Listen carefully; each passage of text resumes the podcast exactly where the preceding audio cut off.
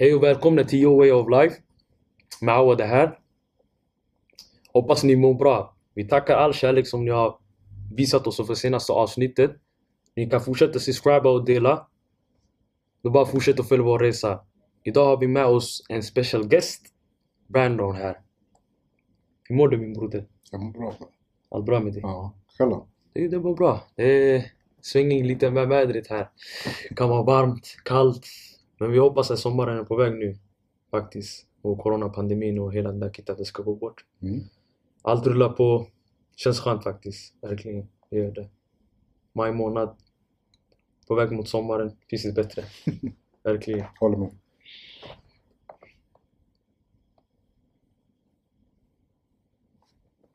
Vem är Brandon bror? Kan du berätta lite om dig själv? Åh, vem är jag? Ehm, nej, jag är far. Jag har två barn. Fru. Uh, kommer från Uganda. Kom hit eh, 87. Mm. Eh, har uh, mestadels jobbat och jobbar än idag med människor på ett eller annat sätt. Eh, ja, i det stora hela så är det väl kanske det. Uh, och sen har jag väldigt, jag är en eh, nyfiken person som gillar att, att testa mig fram till olika saker och ting. Eh, inte kanske nöja mig med att någon säger så här, men det där är inte bra, det där är inte bra, gör det. Så jag vill hellre testa mig själv och sen säga saker, det där var kanske inte bra, det där måste jag göra om, det där tar jag lärdom och sånt där. Så jag, jag är en allätare av buffé när det kommer till mö- möjligheter. Oj. Det är bra. Kan du berätta lite om din uppväxt då? Om du kollar så sa, du är allätare så vi kan gå in djupare på det. Hur var din uppväxt? Du kom från Uganda till Sverige. Den, eh, det var både bra och negativt. Eh, Den var bra i form av att eh, jag fick, när jag kom till Sverige så hade jag flyttat, hade jag bott ifrån min mamma i ungefär ett års tid. Eh, Och jag minns ganska tydligt att jag sa hej då till henne och hon flyttade hit och hon flyttade hit på, för att hon hittade en annan man och en ny familj. Eh, Men, eh, men när vi väl fick, åt, när vi återförenades, då var det bra. Mm. Men då började en ny resa för mig. För att jag kom in i en annan konstellation av familjen. Där jag kanske inte var så välkommen som jag hade trott. Mm. Och då blir det ju en resa i form av att okej, shit, hur ska jag passa in här? Då tänkte jag kanske inte så jättemycket på det. Det var efteråt och nu är så att man identifierar saker och ting så att shit, det var tufft i form av att man ville bli älskad, man kanske inte var älskad lika mycket som alla andra. Man ville få saker och ting men man fick inte samma möjligheter.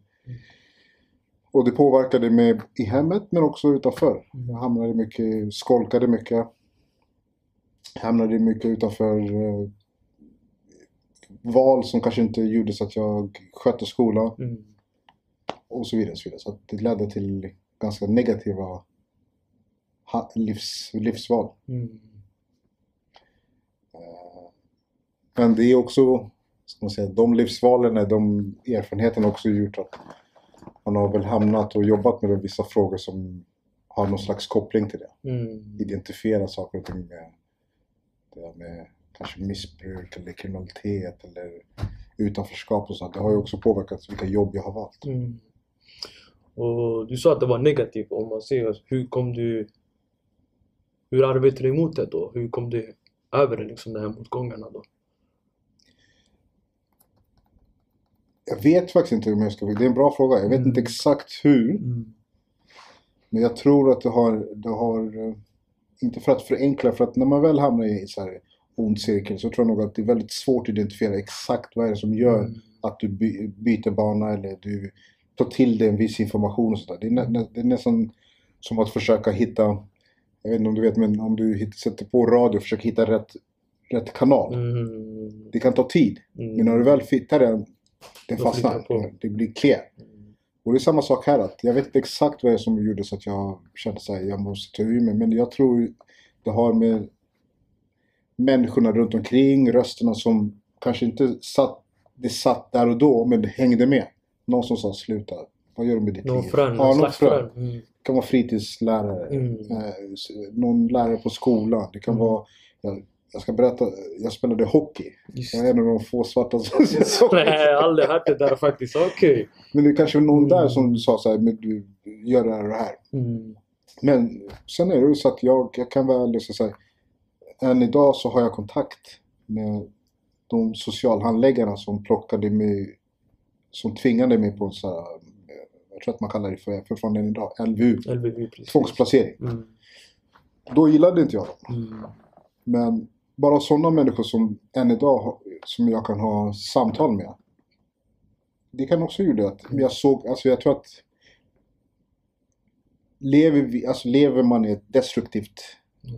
Beteende, Mm. handlingar och sånt där. Mm. Så det är svårt också att ta till sig information, alltså Mm. saker och ting runt omkring en. Men det enda jag kan ha kontroll över, som jag hade kontroll över, det var det här att läsa av människor i form av att, okej om, jag, bete- om jag beter mig utåtagerar, Mm. blir arg eller säger emot och sånt där. Då ska jag läsa av om det står pall. Om det står kvar, då kan jag lita på dig. Drar du, du vet ju att nej, det var ju... det så, var det, så var det, jag tror att det är ganska många, det är många som kan känna att okej, Mm. det enda man har kontroll över det är ens egen här, känna av. Vilka som kan, jag kan trycka på som kan förstå mig. Och de som Mm. förstår mig det är de som står stilla. Mm. Jag säger så här, vet du vad? Jag ser igenom den där skit det, det du gör. Mm. Det är inte okej. Mm. Men jag, jag, jag tror på det ändå. Mm. Så den vägen är det. Alltså jag tror att kombination av det där. Folk som förstod, stod stilla. Eh, men också att man blir trött på vägen tror jag. Det tar på krafter. Det gör det. Ja. Eh, hade du någon faderfigur då? Eller för, I hemmet då? Någon kontakt alls? Nej, jag, det är bra fråga. Jag hade ingen faderfigur om jag ska vara. Så jag, hade, jag hade en styvpappa Mm. som var i mitt liv. Mm. Men jag kan inte säga att jag upplevde som en aktiv faderfigur. Mm. Nu kanske han gjorde sitt bästa och sånt där. Vad vet jag. Eh, Däremot så känner jag att det var inte riktigt så som jag eh, ändå hade önskat eller ve- velat. Nu när man tittar tillbaka lite. Mm. Min pappa, min riktiga pappa, eh, han fick ju fly i Uganda. Eh, han var muslim. Men han fick fly Uganda. Det var på den tiden som Idi Amin styrde landet och muslimer och indier hade det väl inte så jättebra relation med den diktatorn. Mm. Så han fick. Så jag, hade, jag hade, fick aldrig någon riktigt Vid kontakt? kontakt med honom. Mm. Så. Eh, har du idag kontakt med honom? Han är död tyvärr. Tyvärr, okej. Eh, Så jag fick aldrig heller Har någon kontakt med honom? Mm. pratades vid ett par gånger på telefon men Mm.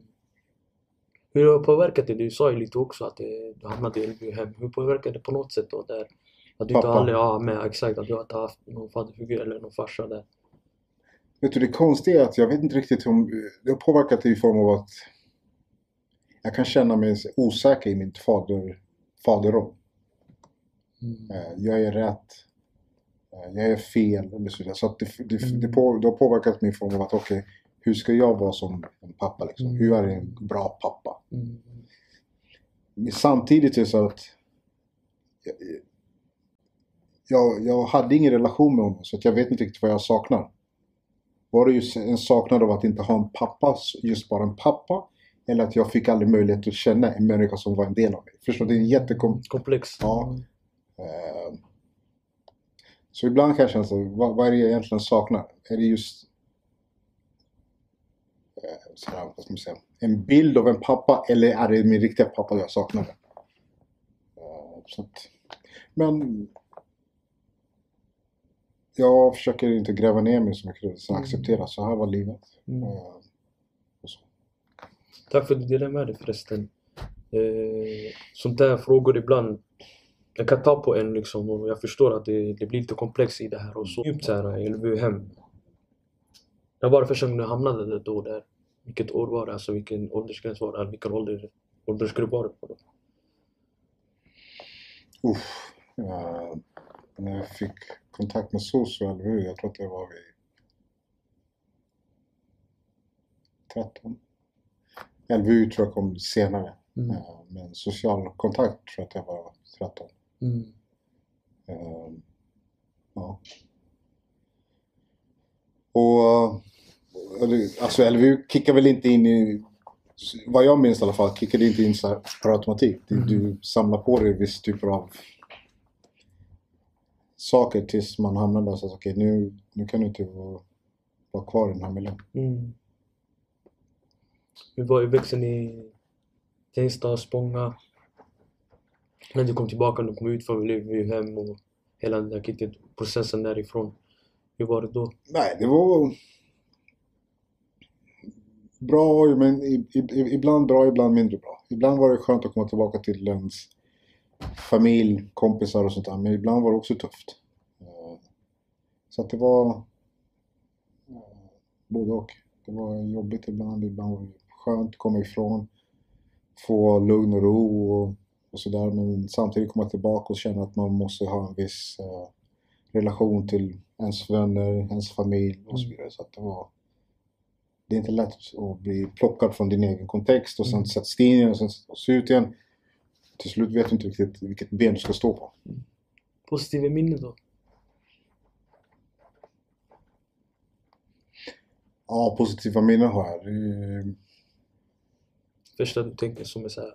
Att vi hängde, jag kommer ihåg att vi hängde, eh, hängde ganska mycket i Kungsträdgården. Och Kungsträdgården på den tiden, det var... Även om man hade tjafs med det ena och andra, tjafset kanske gick ut på att man stod och typ skämtade om varandras mammor. Nej men alltså tjafset var, man battlade Just genom det. att eh, Mm. sätta ord på saker och ting. Ja, och så Okej. får alla skratta Alla liksom. skrattade och Mm. sen var det också en av de andra saker var att okej, vi vill köra en basketmatch. Mm. De som vinner får det här, alltså så. Mm. Så att det, Vattenfestivalen, det är roliga minnen. Det är också en barndomsgrej. Mm. Men sen också att man fick, jag fick, man fick vara i, det var, det var, jag tycker att då var det lättare också att bo i Järvaområdet för att då var det så att man flyttade lite överallt. Alltså det hände någonting i Kista, ja men då åkte man över gård, alltså gick över och sen hängde man där eller hus, whatever. Det var också så här roliga minnen, att just att gå från ena till andra sidan. Idag känns det som att det händer inte så mycket sådana saker. Jag kanske har fel men...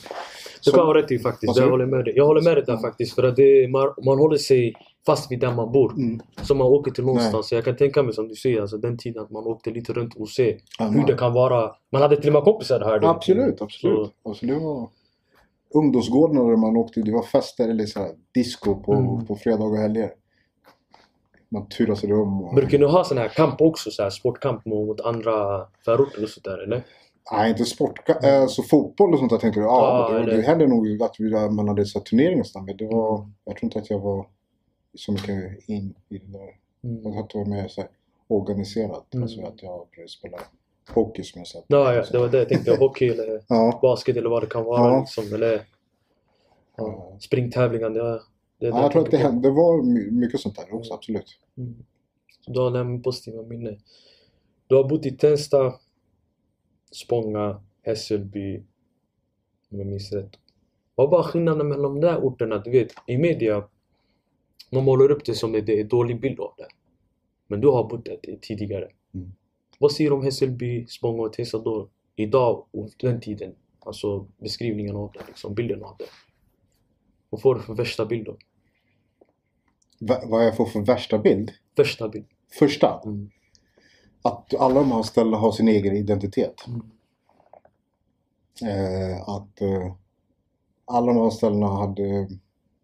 Jag menar, Tensta och, och Spånga, det gav mig min första kontakt med Sverige. Mm. Så att det, det var ett helt annat sätt att se på stället och än idag när jag går tillbaka kan jag minnas så shit, när vi gick på den skolan, Mm. vi gick på det där och så att och Hässelby det var en, en liten kort period bara. Ja, Mm. och, eh, men det var också en, en kort period där man också kom i kontakt med polisen på ett helt annat sätt. Mm. Eh, det var där jag eh, första gången tror jag upplevde det här med eh, rasism. Eh, Jag kommer ihåg att vi hängde på torget. Eh, Det var Big Fred och Ken och alla de där. Jag tror att vi hängde där. Sen var det att man eh, vid något tillfälle så åkte man moppe och så så tyckte polisen nej du ska inte hålla på med det här. Mm. Mm. Eh, man lyssnade väl inte. Och det, det, det var fel, men man lyssnade inte. Men efter ett tag så sa kom vi ska plocka in dig, vi ska köra, vi ska köra hem dig. Väl i bilen så körde de inte hem. Men de körde runt och gav mig batong efter batong efter batong och sa att jag skulle upprepa en ordet. Uh, det är ett minne som jag har ganska starkt i Hässelby. Men jag kommer också ihåg när vi bodde i Tensta hur vi också var nojiga över att på den tiden så fanns det något som hette Polispatrullen. Man, det vi åkte runt massa Nej, piké, piké, polispiketbussen. Så. De åkte runt och bara... Ja, Mm. och slog människor och så. så att det, det är också så här minnen Mm. som man har. Shit, det där vill inte jag hamna i. Mm. Men, men i det stora hela, förutom de här sakerna, så tycker jag också att eh, om jag går tillbaka och tittar på det, det var ändå ganska... Du kunde bara få vara. Du kunde, jag kände att man kunde hänga överallt. Mm. Tycker jag Nu var... kände du dig orolig när du hängde där eller förutom polisen som du nämnde Mm. upp bara men kände du någon upplevelse att det var så här här, här känns det skönt liksom? Kände du dig hemma? Absolut, Mm. absolut. På tal om polisen. Du sa att du upplevde mycket rasism där. Vad känner du kring polisen idag då? Oh, eh, att det finns både gott och ont i Mm. dem. Eh, det, vore, det vore väl eh, att ljuga och säga så att det inte finns saker och ting som polisen måste bli bättre på. Mm. Och det är inte bara jag som säger det. Nej. Det är historier som vi, vittnesmål som vi får läsa om hela tiden. Eh, Men jag tycker också att eh, eh, det, det, det finns en skev bild av poliserna själva Mm. hur de hanterar saker och ting.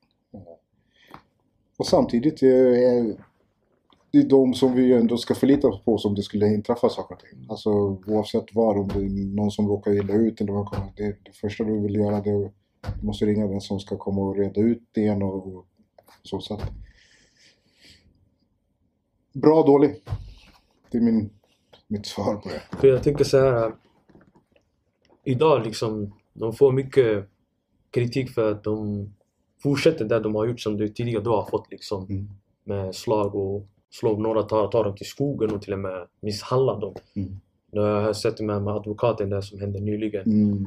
Han blir misshandlad, blir filmad och i det här liksom. Mm. Idag finns ju sociala medier för att Mm. upptäcka ju det där. Mm. Den tiden fanns inte det. Mm. Så det är skillnaden nu. Att man kan se nu Mm. i mobilen eller bara filma liksom. Mm. Men här, här misshandlar man en person i, i, där ute i förorterna. Och jag känner så här. Äh, Vissa poliser är bra, vissa poliser är dåliga.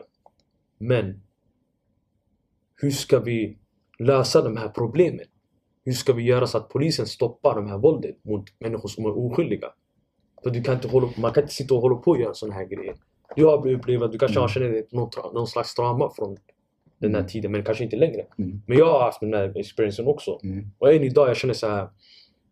Hur kan vi ha dialog så att det ska lösas mellan de här våldet liksom med folk som är oskyldiga som ska stoppas varje dag. Ska känna sig om de är stämplade gängrelaterade fast de inte är. De Mm. pluggar, jobbar och gör sin grej liksom. Men jag tänker hur kan man göra i detta liksom? Jag tänker först och främst, ett sätt är ju att lyfta det som du gör på det här sättet. Mm. Så att okej, folk får komma med sina upplevelser, berätta sånt där. Mm. Men annan sak också, en annan sak tänker jag också att det borde egentligen ligga på oss att ändra det här, det här dessa beteenden. Det Nej. borde egentligen ligga på dem själva. Precis. Så att jag tycker att en viss typ av självkritisk granskning måste de göra själva.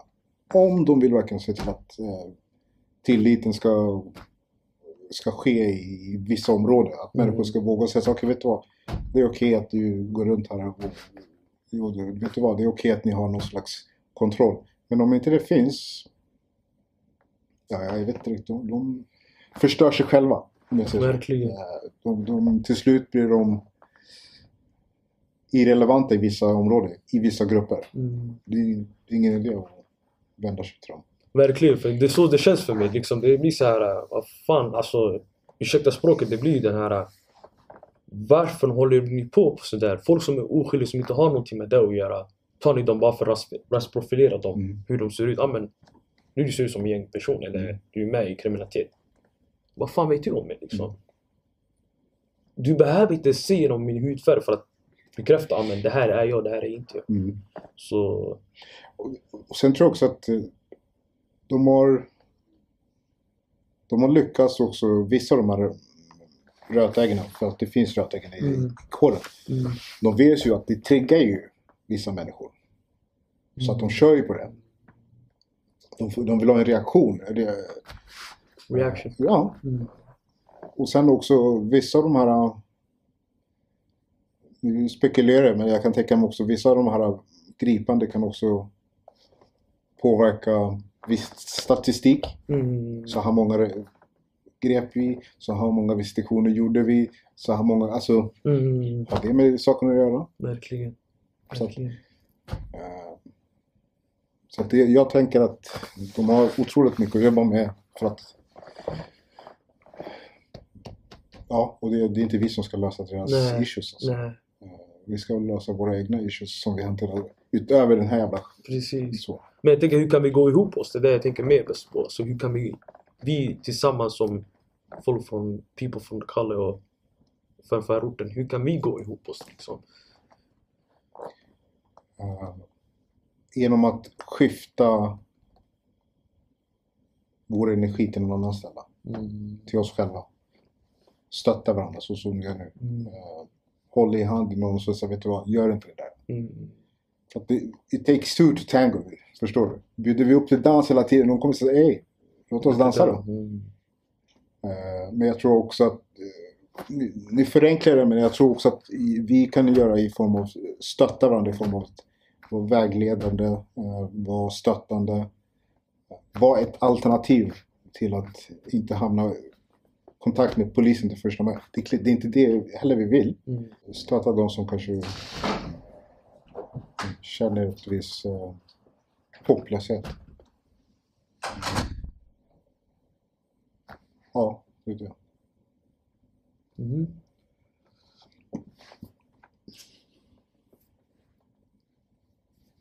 I vår kanal vi brukar ju lyfta upp så här um, personens väg från bakgrunden till den resan den gör i deras, deras personens kategori. Du har gått verkligen din egen väg liksom. Från där du har gått igenom med mamma, familjen, konstellationen till nu. Jag vill gå in lite på entreprenörskap. Kan du berätta din resa? Din första resa till entreprenörskapet? Mm. Allra, allra första, det var väl det att man, man sålde någonting som man inte skulle sälja. det är ett entreprenörskap. Mm. Men det gick inte så bra heller. Nej.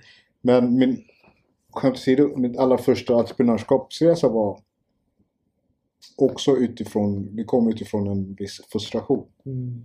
Eh, Det var att eh, jag och en annan kille skulle vara kvalificerad kontakt, kontaktperson. Mm. Och jag tror att vi sökte ganska många jobb och till slut, vi fick inte. Mm. tänkte vi så här, shit. Hur, hur, hur kan vi göra då? Då tittar vi på upphandlingar.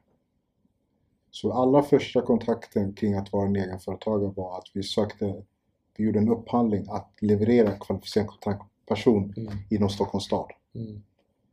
Eh, när vi vann den upphandlingen, för att det är x antal företag som är med och lämnar anbud och sen, sen kategoriserar man dem och gör någon slags rangordningslista över att okej, här är nummer ett, två, tre, fyra, fem. Och vi hade hamnat på plats nummer, jag tror att det var tre eller fyra. Ganska högt upp. Mm. Tänkte så här, nu kommer det trilla in, kommer det säga stopp för uppdrag. En månad går. Telefonen ringer inte. Shit. Nej, det kommer, det kommer. Vi ska ha tålamod. Då kanske byråkrat, byråkratin, det kanske tar tid och sånt där. Låt oss ge oss det. Två månader går. Samtal, inga samtal. Tänkte så här, det här är något skumt alltså. Så började vi titta lite grann och kolla hur andra företag upplever det här. Fast de som också inte hade fått, men som fast de som hade fått uppdrag. Och de som hade fått uppdrag, de hade kommit längre ner från, från vår lista. Här var det en lärdom ganska tidigt att i entreprenörer, alltså korruption sker i alla led. Mm. Facts. Eh, Och jag som entreprenör måste förstå att vissa saker och ting, bara för att jag, jag lärde mig, för bara för att jag har varit en upphandling, Mm. kommer inte garantera att jag kommer få uppdrag. Mm. Jag lärde mig att det finns en vänskap inom den offentliga sektorn också. Alltså det, vill säga, det finns företag som redan hade en relation med Stockholms stad. Mm. Så de gick ju bakvägen. Så, Då okej. var det klart liksom. Ja. Mm. så att de fick uppdrag efter uppdrag efter uppdrag. Mm. För att de hade en relation med dem. Mm. Så det var, det var min första resa med entreprenör, entreprenörskapsresan. Att Mm. Upphandlingen gav inte oss det utfallet som vi trodde att vi skulle få. Mm. Men, eh, men det gav mig mer smak av att jag ska visa dem där jävlarna. Jag ska köra på. Jag ska köra. Eh, jag, ska, jag, jag ger mig inte. Jag är envis. Om du är envis, jag är också envis. Om du försöker exkludera mig och försöker ta bort det jag vill göra. Då får jag hitta en annan väg. Mm. För att det är det vi har lärt oss också. Precis. I vår värld. Okej, Mm. alla vi vill ha mat på bordet. Precis. Så att det var bara stänga ner den butiken Mm. och öppna upp en ny. Och vad var din nästa steg då i så fall när du gick in i entreprenörskapet? Eh, nästa steg tror jag var att jag kom i kontakt med ett företag som heter, en organisation som heter Jump Academy. Mm. Jump Academy var att man skulle pitcha in sina idéer till eh, investerare. Och sen när du väl pitchar in din idé så får du ett program där du får lära dig allt som har med entreprenörskap att göra. Mm. Så du, du tränas på att förbereda dig inför en pitch. Du tränas på att förbereda dig inför hur du gör din affär skalbart. Mm. Hitta nya marknader, målgrupper och så vidare. Och så vidare. Du tränar intensivt med väldigt många saker som du egentligen borde ha koll, som du ska ha koll på som, som egenföretagare. Mm. Och det gav mig också mer smak kring att fan, entreprenörskap är bra. Det är roligt. Alltså vara egenföretagare, det, det kan vara tufft. Men det är så mycket du kan lära dig. Det handlar om kommunikation, det handlar om eh, personlig utveckling. Och, alltså det är så mycket. Så att eh, nästa steg för mig var, okej. vad, vad vill jag göra nu utöver att jobba med barn och ungdomar? Mm. Så jag gav mig in i nå- något helt annat också. Testade mig på någonting som... Det, gick inte, det flög inte, men jag lärde mig. Mm. Det var att jag identifierat i våra områden, många av våra områden, socioekonomiska svaga områden, så finns det ett underskott ibland på viss kunskap. Okej? Och de här kunskaperna kan yttra sig på väldigt många olika sätt. Mm. Men en av de okunskaperna som vi har, som många kanske inte har, inte för att man inte vill det, men man kanske har en viss erfarenhet som man inte tar med. Det är det att det finns många som inte har försäkringar i våra områden. Är precis. Så jag tänkte så shit, okej jag ska börja sälja försäkringar. Så jag började titta runt och kolla på vilka försäkringsbolag har identifierat att många kanske inte kommer ifrån eh, erfarenheten med att det är bra att ha en hemförsäkring. Mm. Och på den tiden var det så att det var många som också kanske hade missförstånd kring att okej, om det händer någonting, jag kan vända mig till SOS. Och så säger jag, jag bara tar med det här. Det fanns sådana då i alla fall, Mm. sådana möjligheter. Men sen så tror jag att det var svårare och svårare att kunna få till och med social, alltså, alltså, social stöd. Mm. Men det var just det som jag identifierade okej shit. Det fanns en, ett underskott av kunskap om hur viktigt det är att ha en hemförsäkring. Än idag. Skulle du, alltså det var inte för länge sedan det brann i Rinkeby. Just det. I det höghusen så tror jag att de upptäckte att majoriteten av de som drabbades hade inte en hemförsäkring. Och det förstör en hel familj. Mm. Inte en familj, släktingar. Släktingar. Mm. Släktingar, familj. Mm. För att du inte hade en försäkring på 150 kronor. Det är inte det som det handlar om, det är inte pengarna. Mm. Det är något annat som ligger där och så. Så det var också en sån här, okej, hur ska jag paketera försäkrings... Eh, Paketet. paketet och sälja in Mm. på flera olika språk. Så folk inte bara ett, höjer sina kunskaper om försäkring, Mm. men också att det fanns en marknad på det. Mm. Min entreprenörskapslärdom nummer två. Det var, det var tufft. Du kan inte komma in i försäkringsbranschen och tro att du ska sälja försäkringar hur som helst. Mm. De har koll på oss. De vet att det är en högriskområde. Så premier stiger. Mm. För att du bor på Vinstgatan, du, bor, du har ett visst namn. Och att paketera sig att du ska sälja försäkringar i de här områdena. De, försäkringsbolagen bara, mm, ja. Ska vi höja prisen kanske. mycket be- alltså, författade meningar, fördomar. Så att eh, idén var bra. Mm. Men försäkringsbranschen själva är inte, var inte redo att, att se över hur de kan bättre ge människor rätt försäkring. Och jättekunskap också. Ge kunskap också. Mm. Det är en investering man, vill man måste Mm, göra. De pratar mycket. Men de, de Ingen handling nej. inte. Mm. Så entreprenörskapsresa nummer två, lärdom. Mm. Två. Nästa var, som jag jobbar med lite nu, men just i början gick inte hela vägen. Det var att eh, titta på eh, hur jag kan installera så här skärmar i köpcentrum. Och jag hade identifierat att det var många företag som var i olika köpcentrum. Kista, eh, An, eh, Nacka. Malung, Ja, precis. Mm. Så går jag till olika köpcentrum och så säger Det var Tensta, Rinkeby. Jag började med. Och fastighetsägaren där, han bara nej. Varför det? Nej, vi, vi, vi tror att de kommer vandalisera, de kommer plocka ner dem och det finns en... Eh, hur ska du sälja annonser och så vidare. Mm. Så jag bara, "Ha, okej shit, okej nu måste jag övertyga de här också. Mindset. Mm. Okej, du tror inte på det, jag tror på det här. Mm. Jag sa bara, ge mig ett avtal om att jag får hyra den här ytan under x antal år och sen sköter jag resten. Mm. Jag visste inte hur jag skulle göra det. Jag skulle göra det. Så jag får ett avtal och sen säger de så okej, smacka upp en skärm där. Jag tänkte shit, först jag måste handla in ett CRM, det kallas för CRM-system. Mm. CRM-system är att om jag pumpar in, eh, alltså jag måste ha ett system som hanterar upp, upp, eh, uppladdning av materialet. Och jag måste ha ett system som läser av när skärmen slocknar och Mm. inte slocknar. Jag måste läsa av ett skärm som roterar annonserna Bilden, och allt det där. Mm. Jag kunde ingenting av det där. Jag tänkte shit, jag måste ha in det. Så jag vände mig till ett företag i Norrköping. De säger att de kan leverera allt det här. Så han säger, ja men det kommer kosta dig ungefär 400 000, 450 000 för att ha x antal skärmar och CRM-system. Mm. Jag tänkte shit, 450 000 det är mycket pengar. Mm. Parallellt, det finns inga annonsörer ännu som jag har approachat. Så att om jag investerar 450 000 Och du inte har. Och inte har an- annonsörer, hur lång tid kommer det ta innan jag må Mm. tjäna tillbaka de här pengarna? Mm. Så jag sa okej, vi, vi investerar 450 000. Det vill säga vi körde leasing. Mm. Jag hyrde skärmarna. Men det betyder att efter ett visst tid så måste jag betala tillbaka. Eller jag betalar och sen är skärmarna mina. Men det är ett värde på skärmarna. Mm. Det är en lä- lärdom nummer tre av ett entreprenörskap. Mm. Back 400, 450 000. För att det tog tid. Lärdomen nummer ett var det tog tid att bearbeta kunderna, att skapa ett förtroende att annonsera på skärmen. Mm. Inte att de inte ville det, Mm. men de ville se så här, return on investment. investment. Vad Tilliten också. Tilliten också. Mm. Vad är det här för någonting? Och det är ingen som kommer säga, vilka är det som syns där? Ta in någon annan först innan jag betalar. Efter helt plötsligt så har det gått ett år utan att du har fått en annonsör. Mm. Så lärdomen nummer två är att, att skapa tillit till dina kunder eller eh, mål, det tar tid. Mm. Det kommer inte flyga direkt. Det är det som är också nackdelen med många entreprenörer också. De tror att vissa tror att det kan bli på en gång. Att det är klart och tydligt när man har en affärsidé. Att det kommer bli lyckat på en gång. Mm.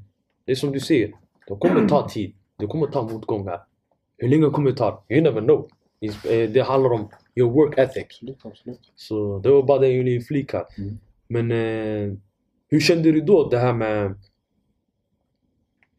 det här motgången som du pra- pratar om nu? Kände du någon gång någon tvivel också någon gång i det här? Ja, men jag vill bara ge upp. Varje dag. Mm. Hur fick du motivationen tillbaka då? Att jag... Eh,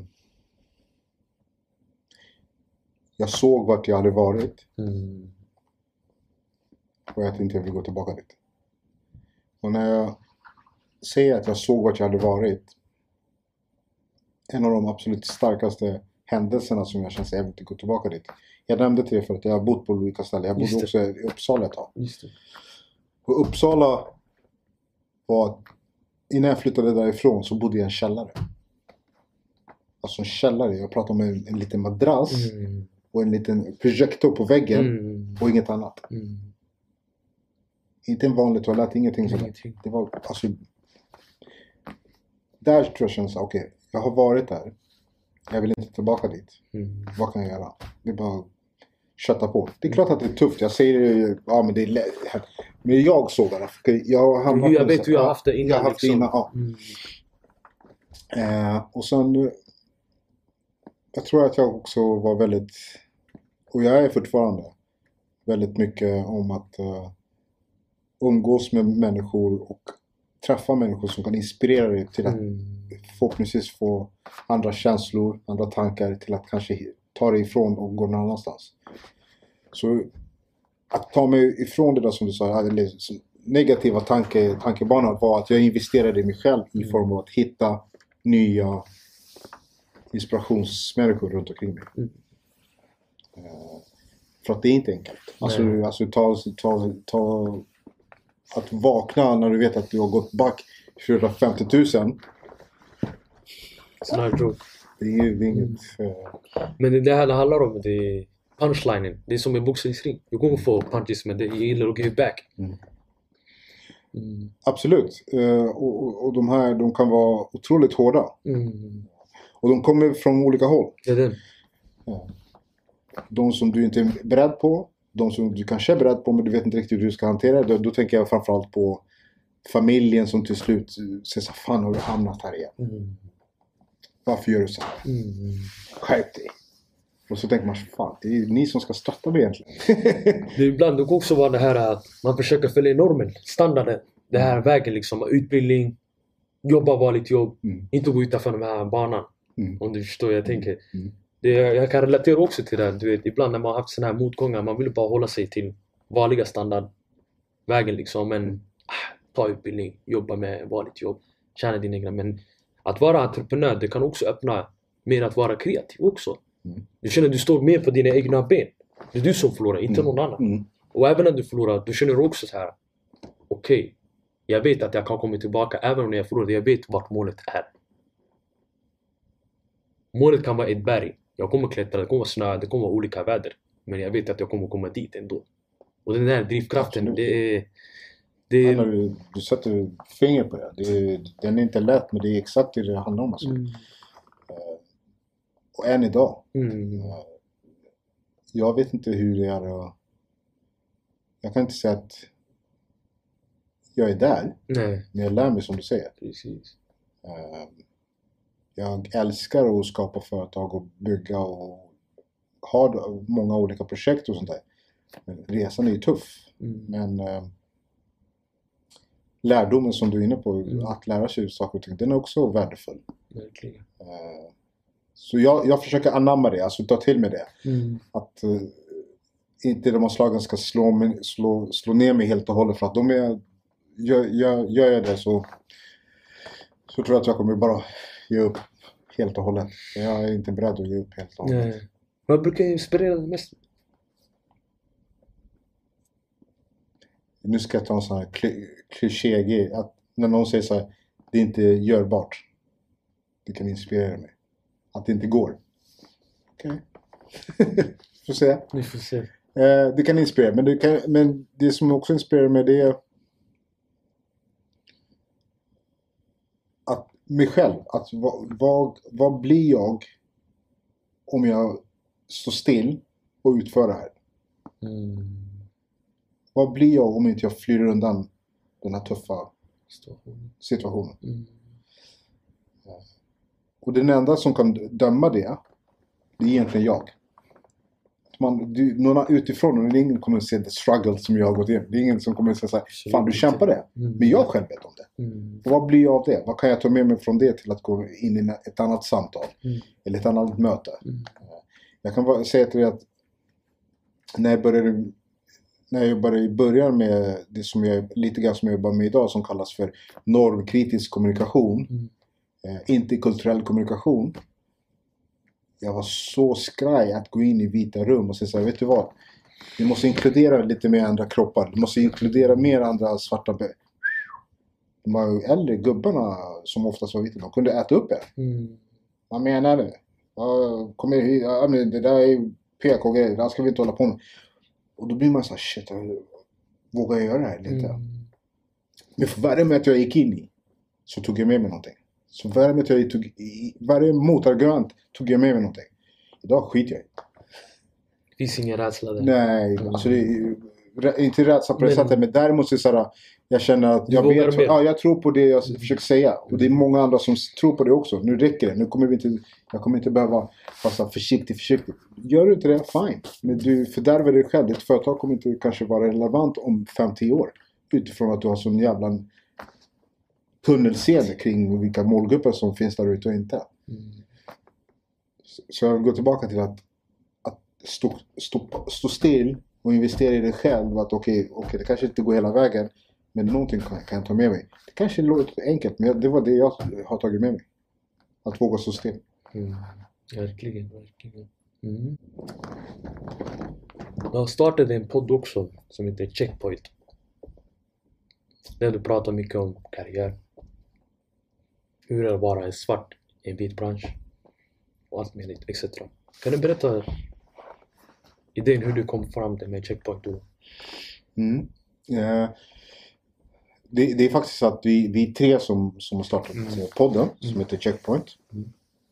Och Checkpoint kom till utifrån att eh, en, av, en av tjejerna som är med, eh, som heter Nicole. Mm.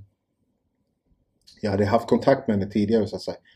Fan, man skulle kunna göra någonting av det här med podd och sånt där. Och sen hon sa så ah, fan det låter bra intressant. Så vart det ing, ing, inget mer med det. Eh, så gick det ett tag och sen hände det någonting med, eh, det var tror jag under Black Lives Matter-rörelsen. Ja. Och, och också lite grann tror jag metoo. Men i alla fall, det var det. Och i och med att Nicole jobbar inom samma bransch som mig. Så hade hon tillsammans med Ambera, Mm. Ambera och Nicole hade gått ihop och sagt så här. Vi ska... De, de skrev en artikel om att eh, Alltså synliggöra. Det finns de som tar tillfälle i akt och säger så här, Åh, det här är en viktig grej och vi står bakom det här. Bla, bla, bla. Och Nicole och Ambra synade i branschen och säger okej, tar ni de här frågorna på allvar, mer eller mindre, så ca- call for action. De här punkterna ska ni göra. Handlingarna. Mm. Handlingarna ska ni göra. Mm. Eh, och det fick jättemycket uppmärksamhet. Och, sånt där. och sen tror jag Nicole hörde av sig sa du Brandon, den där, det där samtalet som du hade förut om podd och sånt där. Fan, vi har, vi har gjort det här. Man kanske skulle kunna gå starta någonting, göra någonting av det. Och gå djupare. Gå ihop, ja precis. Och på det här sättet också se till att det här samtalet hålls levande. Det vill säga samtal om eh, det här att jobba med inkludering är inte sådär säsongsarbete. Mm. Det är inte bara att du kan bara, "Ah, okej nu gör vi det och sen lägger du ner det och sen ingenting.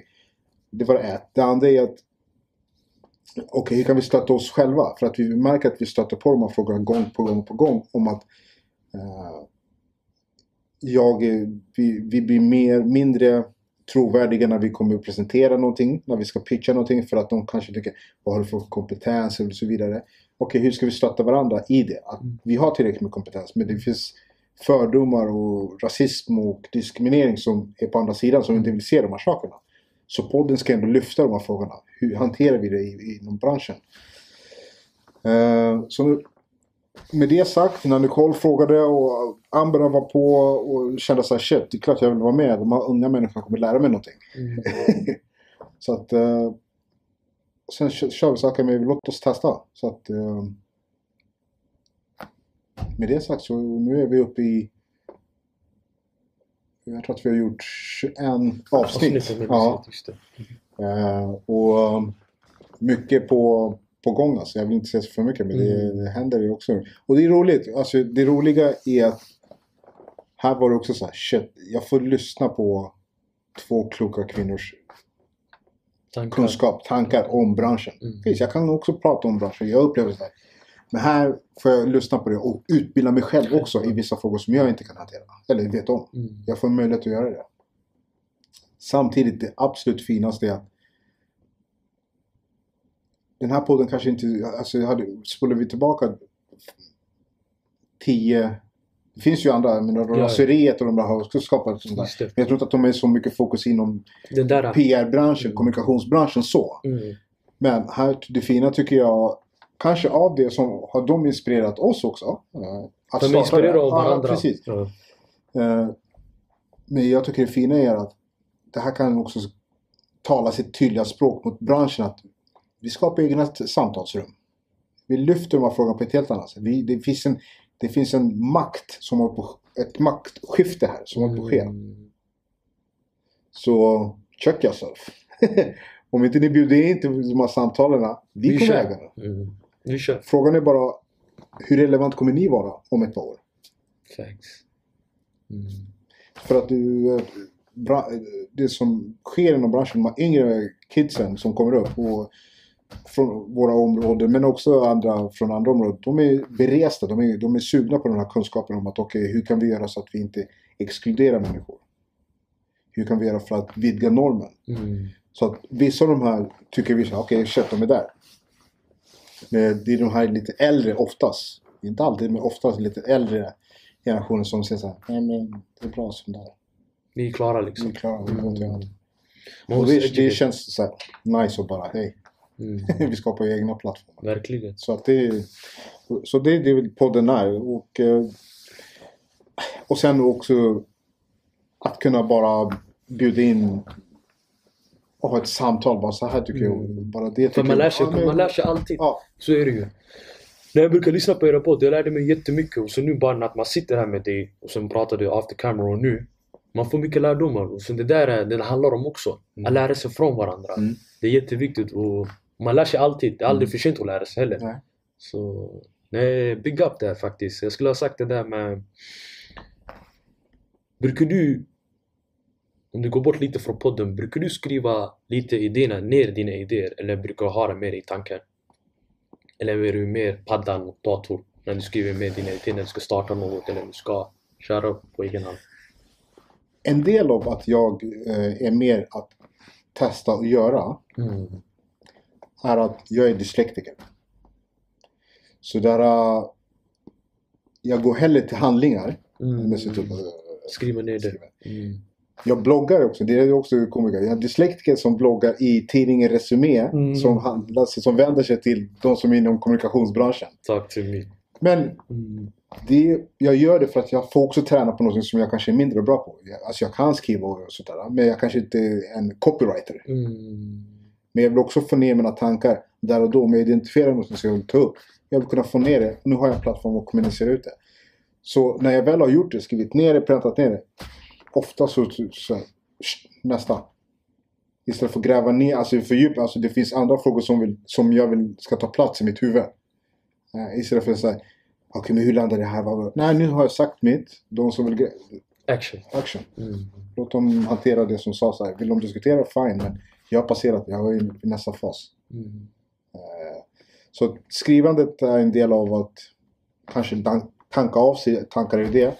Men jag försöker inte stanna kvar i det och så mycket som möjligt. Jag försöker kanske gå vidare. Mm. Eh, Bra dåligt, vad vet jag. Men det är väl ett sätt för mig att eh, sortera vad, vad jag, jag, är, jag försöker sortera vad som är viktigt att behålla och vad som är viktigt att gå vidare kring. Vilken projekt är du mest stolt över då? Och alla projekt som du tänker entreprenörskap, okej det här var jag väldigt stolt över. Det här var lite after the box av mig liksom. Det så här, känns skönt liksom. Jag måste säga att det jag är mest stolt över var att eh, få, få komma in och börja skriva för en branschtidning där man ofta var kritiserade som inte var så inkluderande. Mm. Jag kan tycka att, att ha en blogg på Sveriges största tidning som vänder sig till reklam och kommunikationsbranschen. För mig det är stort. För att jag gav mig in i branschen utan att riktigt veta hur de skulle ta emot mig. Mm. Eh, och jag gav in i branschen också för att det är ingen, det är ingen jag vet, jag märker själv att det finns de som vill lyfta saker och ting men de vågar inte göra det för att de, Mm. kan få, de kan bli brända. Och Folk kan säga saker, det där ska vi inte anställa. För att de- Han kommer de inte vara med. Ja, men jag skiter i det egentligen. Eh, inte för att jag tror att jag kommer få något annat än sådär. Men jag tror att vi pratade lite grann off the camera här. Att om inte jag är sann mot mig själv och gör det jag tycker är rätt. Varför ska jag göra och tillfredsställa någon annan? Jag har fått en möjlighet att lyfta frågor. Jag kanske inte lyfter den på allra bästa sätt Mm. eller så. Men jag lyfter. Jag gör mitt. Slutet av dagen, om någon frågar sig vad gjorde du? Kan jag säga så här, ey, jag var med och gjorde det här i alla fall. Inte hela vägen, men jag gjorde mitt. Mm. Så att jag vill säga att blogga tror jag är det största.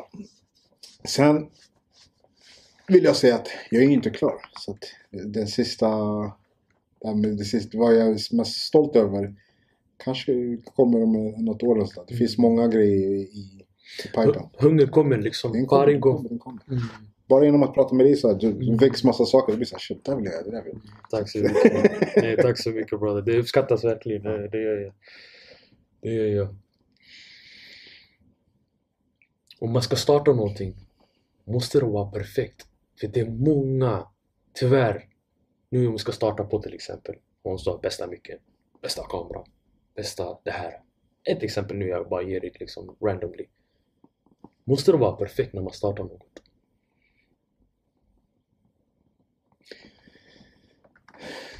Nej. Uh, och får, frågar du några andra, hundra andra människor så kommer du kanske få hundra andra svar. Men jag, jag, jag säger mitt nej utifrån mina egna, mina Mm. egna erfarenheter. Mm. Ett exempel, att starta digitala skärmar i köpcentrum, var det perfekt? Långt Nej. ifrån. Mm. Alltså du skulle ha sett skärmarna som vi lastade upp. Alltså, det var stia, det var så, det var... Alltså det var Mm. kaos. Mm. Men idag går du dit, det är väl in- Strukturerat, inboxat, strukturerade precis. skärmar. Så att nej, det var inte perfekt i början. Och jag gick back fyra gånger, så det var inte perfekt. Nej. Och sen en annan sak som jag kan säga så här. Vi håller på att jobba med, nu ska jag pitcha in någonting. Jag, jag tänkte inte säga det, men jag säger det ändå. Att, apropå just att det behöver vara perfekt. Vi håller på att jobba med att försöka digitalisera presentkort. Smart det- innovation där alltså. Ja, Mm. är, det, är, det, är det perfekt så långt som vi har kommit? Nej, det har inte varit perfekt. Men vi har lärt oss mycket på, på, På vägen. vägen. Mm. Vi har lärt oss otroligt mycket. Mm. Hur olika system fungerar. Partnerskapsavtal och saker som jag trodde... Jag får, bara, jag får huvudvärk bara för att höra det. Men man lär sig på vägen. Så Mm. nej, perfekt ska det inte vara. Men villig att lära och Suga in kunskapen. su- suga in också och omvärdera. Så, okej, det, det är den här insikten vi har fått, de här kunskaperna vi har fått. Mm. Vi har de här väg, den här vägen att ta, vi har den här vägen att ta, vi har den här vägen att ta. Mm. Låt oss komma till ett beslut. Mm. Gemensamt, okej, då tar vi den här vägen. Då köttar vi på. Men du, du gör det utifrån de insikter vi har samlat på oss genom att testa. Mm. Så det perfekta är inte det man... Investerare kommer aldrig titta på hur perfekt din idé är. Investerare kommer inte tänka på mina pengar, hur väl kommer du ta hand om dem? Mm. Din idé kanske är skit. Men du kanske är den som jag investerar pengar i. Det är det jag ska ta mina pengar till. Hur väl kommer du förvalta mina pengar? Idén kommer, vi kanske har en idé här idag som ser ut så här. Men den idén kanske änd- ändras På vägen. på vägen. Mm. Men det gör det i form av att du har ett engagemang i att du ska se till att leverera en viss produkt. Mm. Eller en viss tjänst. Så jag kommer bara investera i dig. Inte i själva idén. Mm. Hur vill du engagera dig? Hur du engagerar dig. Mm. Har du massa bollar, du är flummig, du är överallt. Eh, du kan ha världens perfektaste... Mm. Om jag märker att du, du springer runt där och där och du är... Så, tack snälla. Mm. Det Det är inte. sjösättningar av din idé som jag kommer att investera i. Mm. Vad är din bästa tips för att marknadsföra sig själv eller sitt företag eller entreprenörskap liksom? Om man startar något då? Har tips där? Att vara... Var genuin i det du vill kommunicera ut. Och när, jag, när jag pratar om att vara genuin, att... eh, försök inte kopiera vad, vad de andra gör. Mm. Eh, och vara genuin menar jag på också att blir saker fel, säg hej, det vart fel, Mm. vi lär oss av det här, vi tar in det, vi går tillbaka. Du skapar en trovärdighet, du skapar en förtroendekapital hela tiden. Mm. Men märker vi, alltså märker, du, du vet vi alla, märker vi att det är någon som håller på att hassla oss? Ja. vi Direkt! outar dem i sociala Ja, ja, ja. medier, Direkt! slutar köpa Det grejer. Mm. Det är bara för att vi vet att fan det där var inte äkta. Mm. Men om det är Det någon som säger, på en annan ja, nivå. om du säger så att det var fel och så. Så det är väl det. Var genuin och erkänna misstag på vägen men också att eh, eh, ha, ha så mycket roligt som... Det är så här klyschigt, men du, ha roligt. Alltså, det, om jag märker att du har roligt. Alltså, du hade en gäst här, Faisal. Ja, Faisal. ja. Alltså snubben för mig, han, han, det verkar som att han har roligt jämt. Förstår du? Och det blir så här, han är inspirerande. Då blir då, då, då är det inte bara att han säljer sina eh, tjänster och produkter. produkter. Han säljer sig själv. Han säljer in sig från att fan, det där är en Det är roligt. positiv, det är roligt. Mm. Det är en positiv människa. Då tror jag på det. Så, så glöm inte bort dig själv under den här resan. Att investera, ha roligt och njut. Tackar.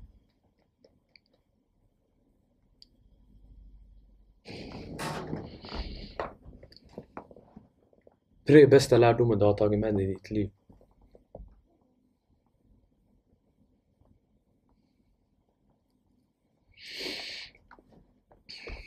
Eh, en lärdom som jag lärde mig ganska tidigt är att eh, de kompisarna som jag trodde var mina kompisar när jag var, när jag var mest destruktiv Mm. var inte riktigt mina kompisar. Mm. Det fick jag lära mig ganska tidigt. Att eh, jag var så ensam. Det var, det var tufft. Så att det var en lärdom som, som svider än idag. Det andra är att uh, mitt handikapp har inte varit till ett hinder för mig. Mitt handikapp menar jag på att det är ett handikapp att, att ha dyslexi. Mm. Men det ska inte hindra mig för att, Att jag för att göra saker och ting. jagar min dröm. Ja, ja. Mm. Preach brother, Och preach. det andra, tredje är det går att eh, omprogrammera sig själv. Jag säger det här utifrån att jag fick en viss typ av eh, uppväxt, lärdom av min styrpappa, omvärlden, man, whatever. Men jag ser ju själv nu att mina barn får en helt annan eh, Världsbild. världsbild Mm. och föräldraskap. Jag, jag kanske inte är den perfektaste pappan. Men jag kan säga så här, jag är glad att jag, om min son kommer och är ledsen och jag kan trösta honom, han kan sluta gråta och jag tröstar honom. Då har jag gjort ett bra jobb. Om inte jag kan trösta honom och han fortfarande gråter, då, ska jag, då är det varningssignal. Så det andra, det tredje är att det går att omprogramma sig själv. Att man behöver inte upprepa det man själv har blivit uppväxt, alltså upp, växt upp med. Att man, man ska upprepa det. Mm. Det går att tänka om, det går att ändra sig. Det tar tid, absolut. Men det går att eh, bli en bättre människa. Preach brother. Jag, du la den fint där. Och tre snabba bästa råd om man når sina mål. Vad skulle du ge? Du kan göra det med en, med en mening eller ett ord. Agera. Agera. Och agera. Mm. Nej men det, alltså det, är det jag, måste, jag måste lämna någonting som jag ändå försöker lämna till mina eh, kunder och till mig själv och, och till människor. Det är att har vi identifierat någonting, jag vill göra någonting och jag vill nå sånt där. Det absolut bästa sättet att göra det är att börja agera. Även om det är en liten grej. Agera skulle kunna vara så här. Fan, jag, jag, jag har en idé men jag vet inte riktigt hur jag ska pitcha. Och så här. Agera med att identifiera vem du ska pitcha till. Mm. Fan, jag vet inte riktigt hur jag ska eh, få kontakt med den här, den här. Agera genom att börja ringa. Vad är det värsta du kan få? Okej, nej jag vill inte. Okej, Till nästa. fan, nästa. Mm. Men om inte jag agerar på det, då kommer jag inte heller kunna komma någonstans. Så jag, jag, menar det att agera utifrån där du står. Börja gräva där du, där du står. Så kommer du se att den här Du börjar gasa. börjar gasa sig själv. Det blir en domino... Automat. domino, domino vad, vad kallar man det? Dominoeffekt. Ja, Mm. så att eh, jag hoppas att folk kan agera mer för att förverkliga sina egna saker och ting. Det var en ära att ha dig här brorsan. Vad sa du? Det var en ära att ha dig här. Det var nära att få vara här. Tack så Fan, mycket. du, eh, vissa frågor, jag, jag brukar inte prata om dem, men Mm. du hade någonting som... Helt Jag annat. var Vissa Men frågor... Det, det, det handlar om, vi försöker skapa den här plattformen. Det är ju för sådana som dig som inte pratar så mycket om det. Som Faisal och så. Alltså, jag vet att action speaks more than words men det är highlighted. Unga ska få se sånt där. Mm. Det tycker jag är jätteviktigt. Dina barn vet vem du är. Mm. De kommer se det, dina highlights efter när du växer upp, när du blir äldre och Mm. du har gjort alla dina grejer liksom. Men folk där ute Mm. måste få se. Tyvärr, det är för mycket negativitet i den här världen liksom. Det första du ser är en svart man eller någon från förorten. Negativt. Mm. Vart är det positiva då? Då måste vi lyfta upp det liksom. Här är en man som har gått igenom det här. Kolla vart han är idag. Mm. Ja, ja. Det ska inte definieras på grund av negativiteten. Mm. Det är vad, vad jag står idag Mm. det det handlar om. Så, big Och- up brother. Ja, och tack snälla. Och de som lyssnar ska vara tacksamma för att du, om du gör det här, Mm. det betyder att du vill eh, ändra ett visst na- na- narrativ. Ett, ett nytt berättande. Mm. Nya historier som ska gå upp. Verkligen. Och för mig, det, det är inspirerande. Tack så mycket broder. Jag uppskattar det verkligen. Verkligen. Vi är tillsammans i det här alltid. Ja. Kör så här. Broder. Tack så mycket. Tack.